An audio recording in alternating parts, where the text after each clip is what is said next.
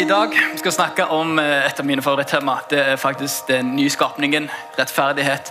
Hva det vil si, hva vi har vært og hva vi har blitt etter vi har tatt imot Jesus. Um, og Det er noe som er ekstremt essensielt i forhold til det å leve kristenlivet.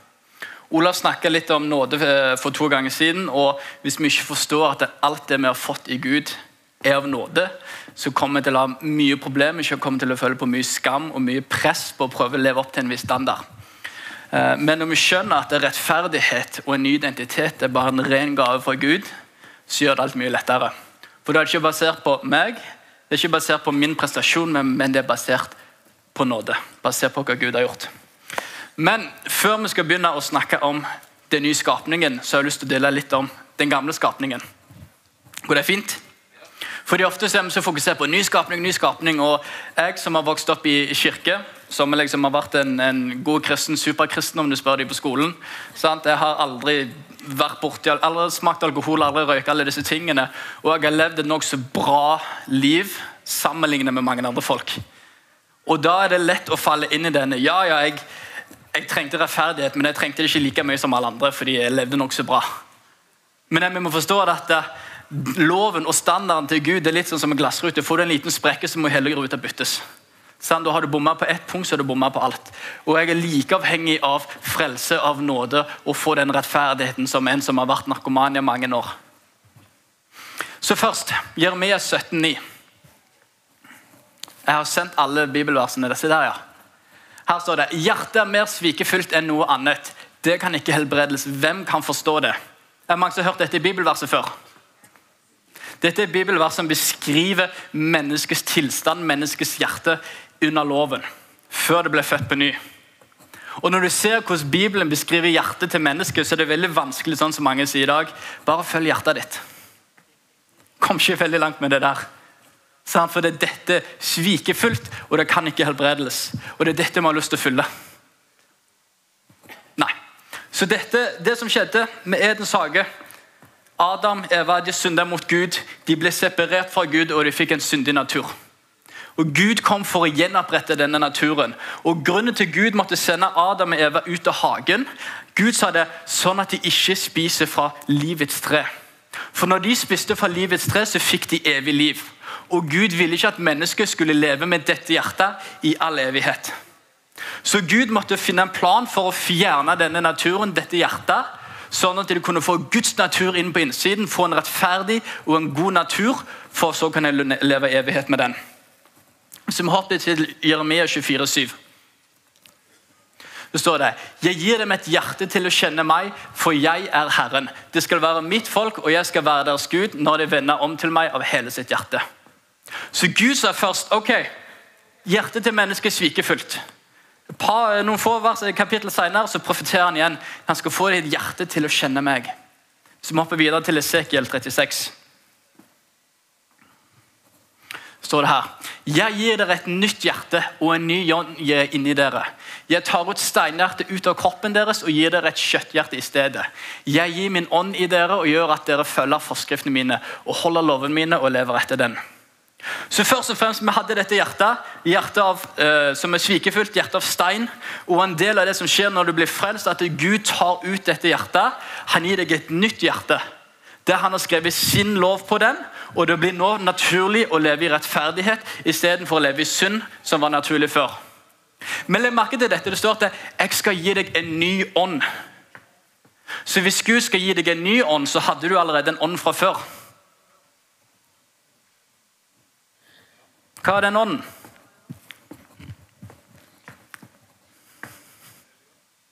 Nyånden ånd er hellig ånd. Hva er den gamle ånden? Tenk på det. Mennesket var under influensen av Satan. Ordet demonbesatt eller besatt, ordet demonized, det blir påvirket, betyr å bli påvirka av Satan eller bli påvirka av disse kreftene. Og vi hadde en ånd som ikke var hellig, vi hadde en ånd som var urein, vi hadde en ånd som tilhørte mørkets rike. Jesus kalte fariseerne de mest superkristne barn av djevelen.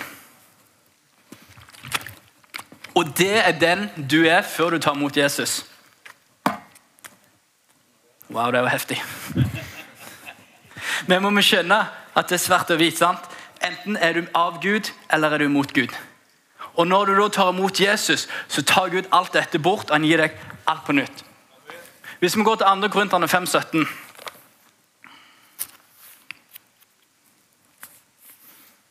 Se. Her er første Korinterbrev i Bibelen min. Det var feil. Der. Om noen er i Kristus, er han en ny skapning. Det gamle er forbi, se alt er blitt nytt. Når du tar imot Jesus, så skjer det denne naturen, dette du har født med dette hjertet. Alt det forsvinner, og Gud gir deg noe som er helt nytt. Gud gir deg en ny ånd, Gud gir deg et nytt hjerte, og Gud gir deg en ny identitet. Det står at alt det gamle er forbi, se alle ting er blitt ny. Ordet 'bli ny' En oversettelse sier du blir en ny skapning som aldri noen gang har eksistert. Og vi må forstå dette. Når jeg blir frelst, når jeg tar imot en hellig ånd, så skjer det et skille. Det alt som har skjedd i det gamle livet mitt, var en gammel person. Jeg har nå blitt en ny person. Jeg har fått en ny identitet, jeg har blitt hellig, jeg har blitt ren, jeg har blitt rettferdig. Så når jeg står foran Gud, så ser han ikke lenger min synd, men han ser Jesus. For Jesus døde på meg, sånn som Olav snakker om. Han betalte for vår synd. Vi har blitt ett, en ånd sammen med Jesus, og når Jesus, Gud ser på meg, så ser han Jesus. Og Det er det som gjør at vi kan ha en relasjon med Gud. Hvis vi ikke har rettferdighet, så kan vi ikke ha en relasjon med Gud på den måten. Det står at det, som åpner veien inn til Jesus, det var rettferdighet.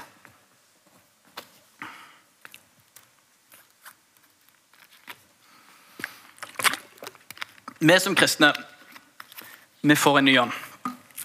Vi får en ny skapning, blir en ny skapning, vi får en ny ånd. Det ser alt har blitt nytt. Vers 18 står det og alle ting er av Gud. Alt som er i deg av natur, har nå blitt en del av Guds rike. Romerne 8,15 sier at vi har fått en ånd av adopsjon inn i hjertet vårt som roper ut 'Abba, far'.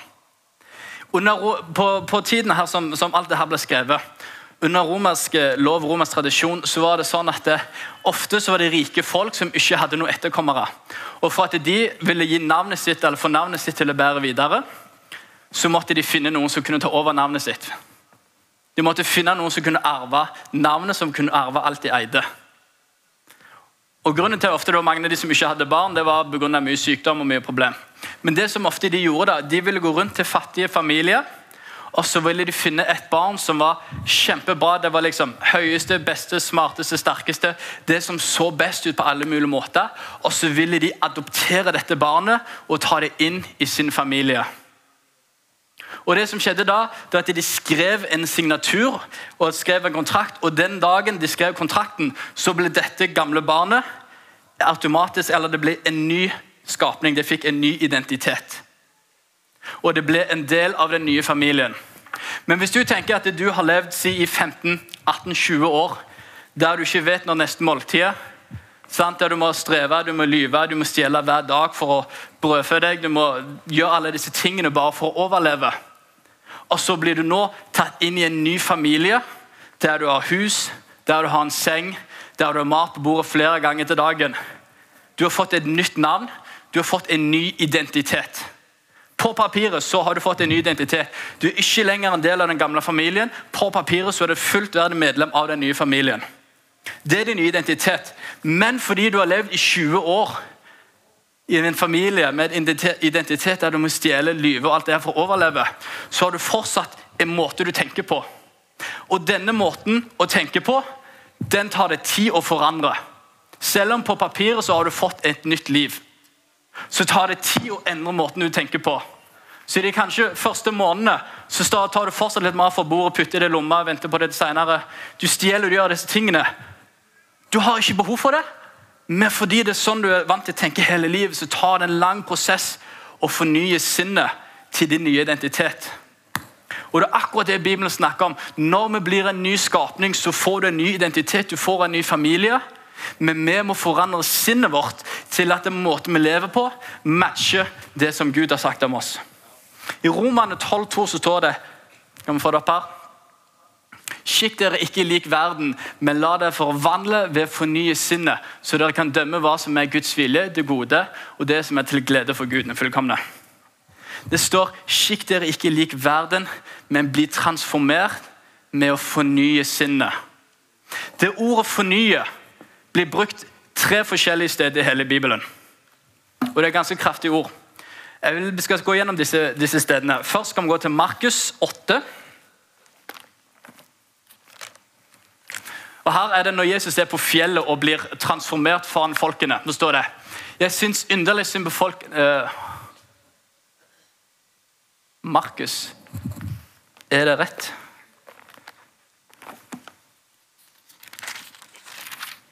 Jeg tror jeg har skrevet feil. Markus 9, tror jeg det er. Ja. Ok, Markus 9, vers 3. Eller vers 2 og 3. Markus 9, vers 2 og 3. Og her står det Seks dager etter tok Jesus med seg Peter, Jakob og Johannes og førte dem opp på et høyt fjell der det vil avsides for seg selv. Og han ble forvandlet foran øynene på dem. Dette ordet forvandle er det samme ord som blir brukt her. Det er ordet metamorfo. Kan vi få det på skjermen? Metamorfo. Se hva det betyr.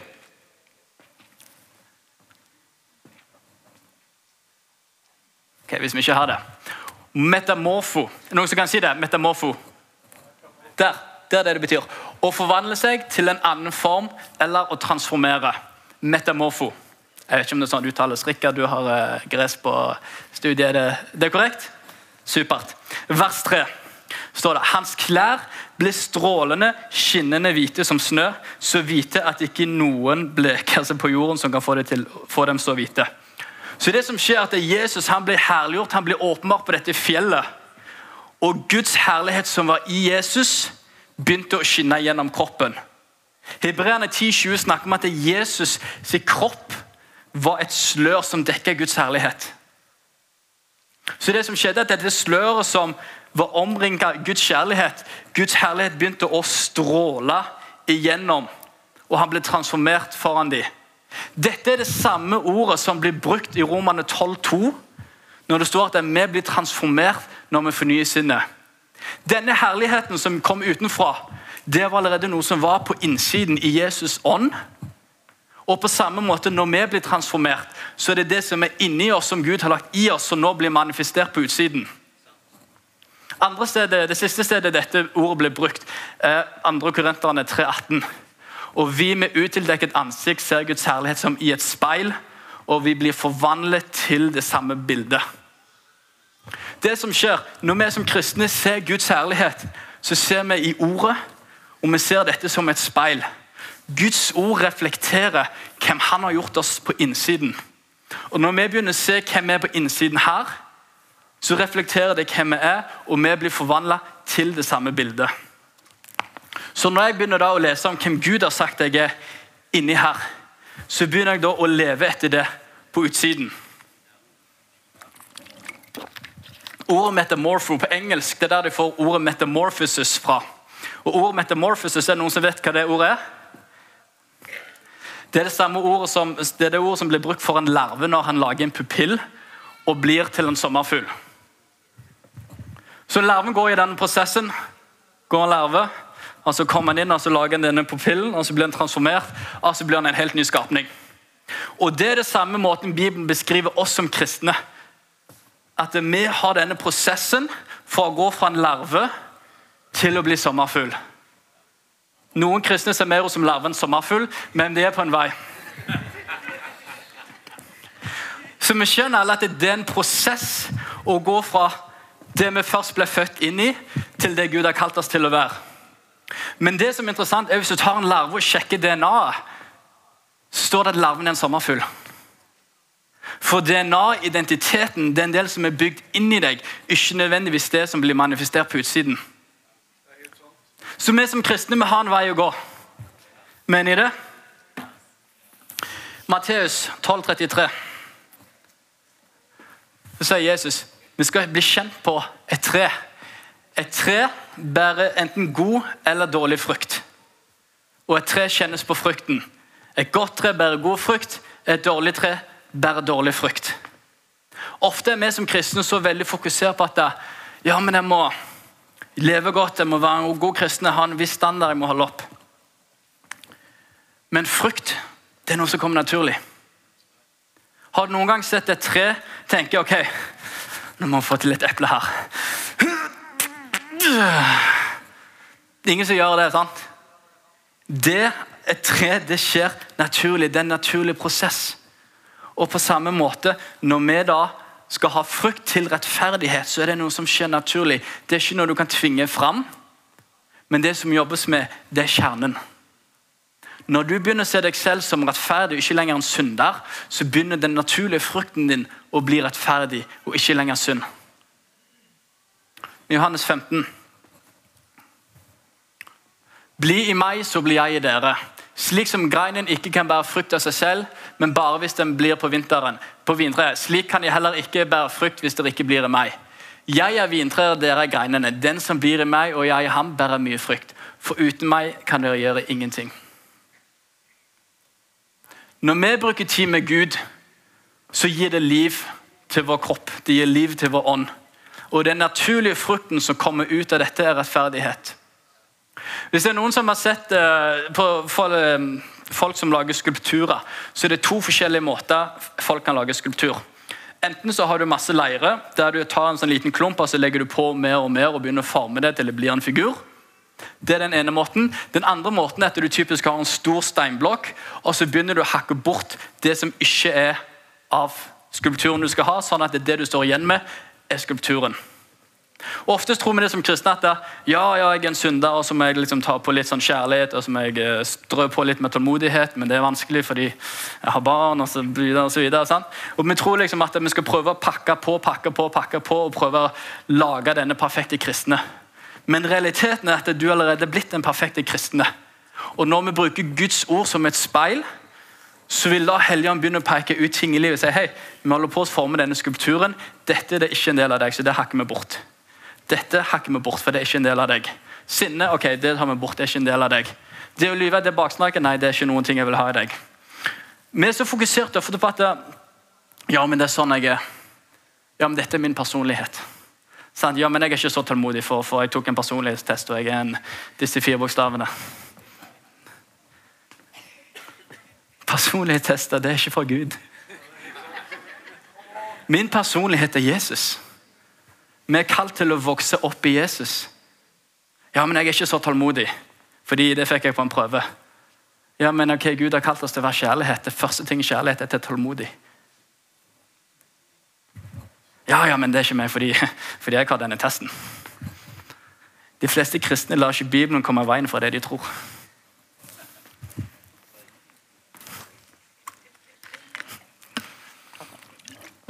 Det å være rettferdig det å kunne stå foran Gud uten skyld, uten skam. Så når vi står foran Han, så ser han ikke vår synd fordi han allerede betalt for den. Og Det er det som gir oss en frihet til å ha en intimitet om Han, som igjen produserer frukt. Som kristen så skal ikke vi våkne og tenke ok, i dag må vi prøve å leve hellig. Det skal være naturlig. Det er ikke sånn jeg våkner ok, i dag må jeg prøve å ikke synde. Synd er ikke lenger en del av min natur. Jeg har blitt rettferdiggjort. Det betyr jeg har blitt gjort rettferdig. Det er ikke noe jeg gjør selv, det er en gave fra Gud.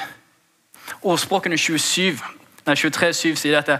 Slik en mann tenker, slik er han. Når du begynner å se deg selv som rettferdig, som hellig, som rein, så begynner det å bli den naturlige måten du lever på. Så når du da får tilbud på jobb om hei, du kan bli, få 10% lønnsøkning hvis du lyver på dette papiret om eh, hva, hva jobben gjør så vet du med en gang ja, man kan ikke gjøre det fordi det er ikke en del av meg. Sant? Løgn er ikke lenger i min natur. Og du begynner å, Helligånden vil begynne å peke ut ting i livet som vet du hva, dette er ikke lenger en del av deg. Og Da er det ikke et spørsmål engang om, om jeg skal gjøre det, om jeg skal lyve på det, eller om jeg skal gjøre noe dumt. For de sier nei, det er ikke lenger en del av meg. Jeg er så separert fra det, jeg kan ikke gjøre det. Og Jo mer du lar Helligånden jobbe med deg, jo mer sensitiv vil du bli til å synde, til å gjøre ting som du ikke skal. Der kanskje i begynnelsen så var det ja, ok, det var utro. Det, det jobber Helligånd meg, meg, meg, med nå. Mens når du da blir, får bort mer og mer av disse tingene, så er det ok, nå skal vi finpuste, for nå har du allerede tapper ganske mye som er av den gamle skapningen. Så, men nå er det ok, du tok en hvit løgn.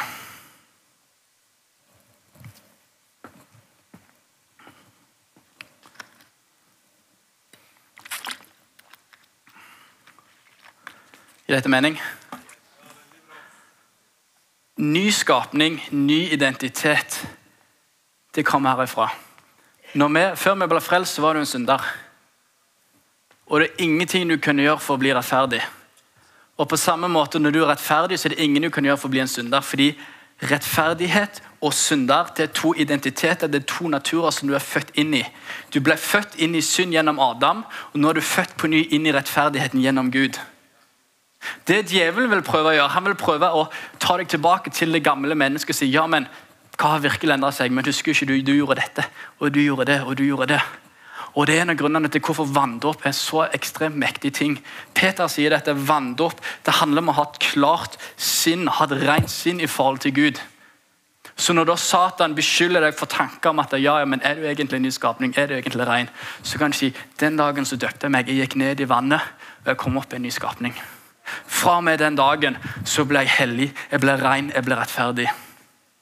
Det som ofte skjer når du hører sånn undervisning Markus 4 dette, Med en gang så vil Satan prøve å komme og stjele ordet. Det at du får tanker, du får følelser om at ja, ja, han hadde en ny, ny undervisning om, om hellighet og om rettferdighet, men det gjelder ikke meg fordi jeg sliter fortsatt med dette. Når du har blitt en ny skapning, så sliter du ikke lenger med noen ting. Du sliter ikke med synd. Men Satan har vel prøvd å få deg til å tro at du sliter med synd.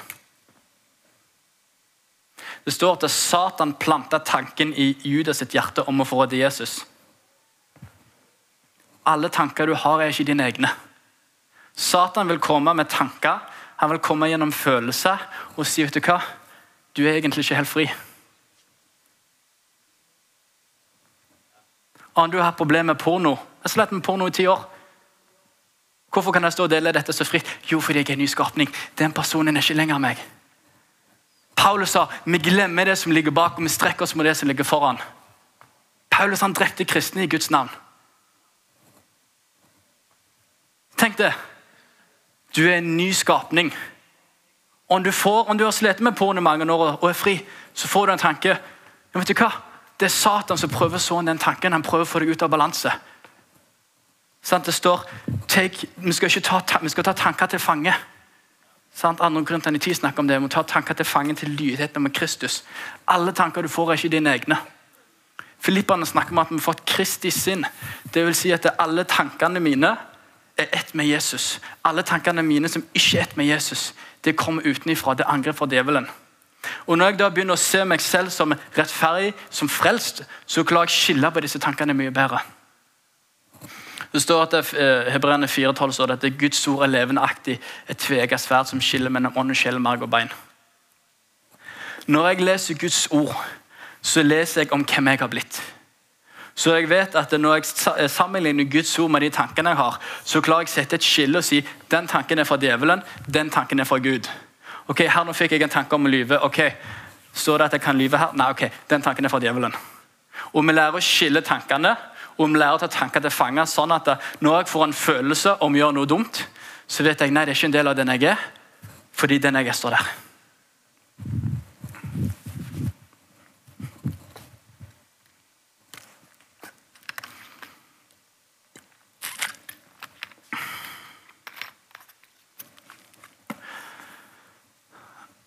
Jeg tror det er folk som sitter her, som kanskje føler på mye skyld, mye skam fordi de ikke klarer å leve opp til det som er standarden for en kristen. Eller om det er folk her som ikke, ikke har tatt et valg om å ta imot Jesus.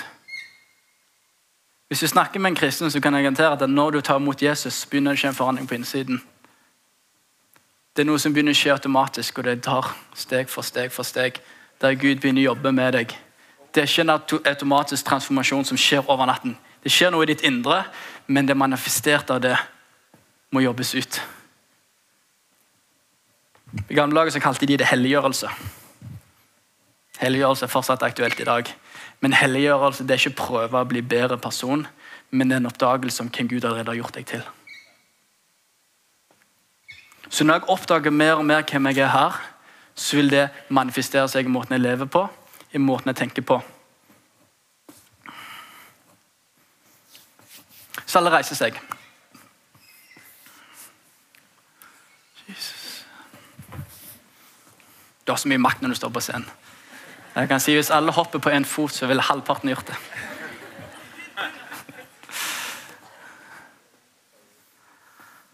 Jesus. Noe av den største friheten jeg har opplevd, det er å forstå at denne rettferdigheten det er bare ved nåde. Det er ingenting jeg kan gjøre for det. Og hvis det er ingenting jeg kan gjøre for å fortjene det, så er det ingenting jeg kan gjøre for å miste det. Din relasjon, måten du har, relaterer med Gud, er totalt basert på nåde, på det Jesus har gjort. Olav delte dette. Jesus han har tatt et offer som har tatt bort all synd. Førtid, nåtid og framtid. Det var et evig offer for all synd. Det vil si, om du lever i synd, så er det ikke det noe som separerer deg fra Gud. Men Kanskje på din side, men ikke fra Guds side. Gud har tilgitt deg alt. Gud har allerede gitt deg den rettferdigheten i en gave. Hvis det er noen her som ikke har gitt livet sitt til Jesus, ikke tatt imot denne gava av rettferdighet, en ny ånd, og kjenner i dag er min dag, vil du skrette på hånden? Kan vi skru ned lyset litt? Hvis det er noen som kjenner vet du hva, jeg har lyst til å gi livet mitt til Jesus,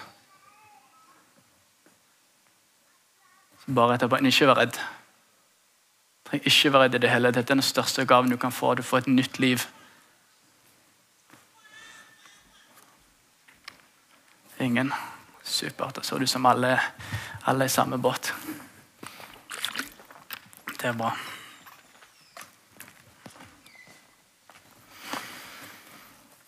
Jesus. Helligånd, bare takker for din nåde. Helligånd, bare takker for frihet i hvert enkelt menneske. Takker for at det er ditt ord, din sannhet, som setter fri.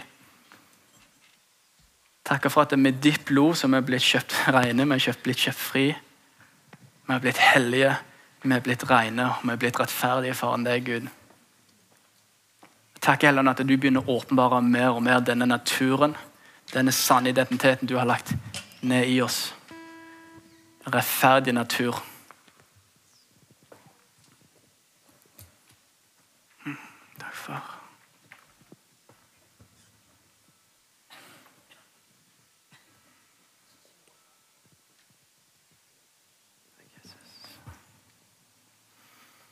Du trenger ikke føle på noe skam, ingen skyld for det du har gjort. Jesus har tilgitt deg. Du har blitt en ny skapning. Jeg har gjort kjempemange dumme ting i fortiden. Jeg har doktorgrad i idioti. Men det har ingenting å si fordi det er en annen skapning. Jeg er en ny skapning, jeg er tilgitt. Det står at Gud har tatt all vår synd og kasta det så fra langt østen ned fra vesten. Han har glemt det det står at Gud ikke lenger husker vår synd. Så når du da går inn i ditt privatliv med Gud, så er det ingen synd Gud ser på deg lenger med. Gud ser på deg som ren, som hellig og rettferdig. Så er det at Gud ser på hjertet. Som Paulus sa, vi ser ingen mann etter, etter kjøttet, men vi ser det etter ånden. Når Gud ser på deg etter ånden, så ser han en hellig ånd. Vi har fått en hellig ånd. Det er en hellig ånd. Og det er ikke en andre grads hellighet, det er Guds hellighet. Vi har ikke fått en andre grads rettferdighet, vi har fått Guds rettferdighet. Gud er standarden for rettferdighet, og med mindre det er Guds rettferdighet, så er det ikke rettferdighet. Det vil si at din hellighet, din renhet, din rettferdighet er på lik linje med Gud. Og dette er den gave vi har fått i Jesus. Gud ser ikke på deg på noen annen måte. Og det er heller ikke du rett til. Helligånd, jeg bare ber om at du åpner våre øyne og hjelper oss å se hvem du har kalt oss til å være. Takk, far, far, for at du setter folk fri fra skyld, fra skam her nå. Takk, Jesus. Takk, far. Takk for ditt offer som gjorde oss til en ny skapning. Takk for din ånd, Hellige Ånd. Takk for din ånd. Takk for Gud. Takk, Jesus. Ære deg, Jesus. Ære deg. Ære deg, Jesus.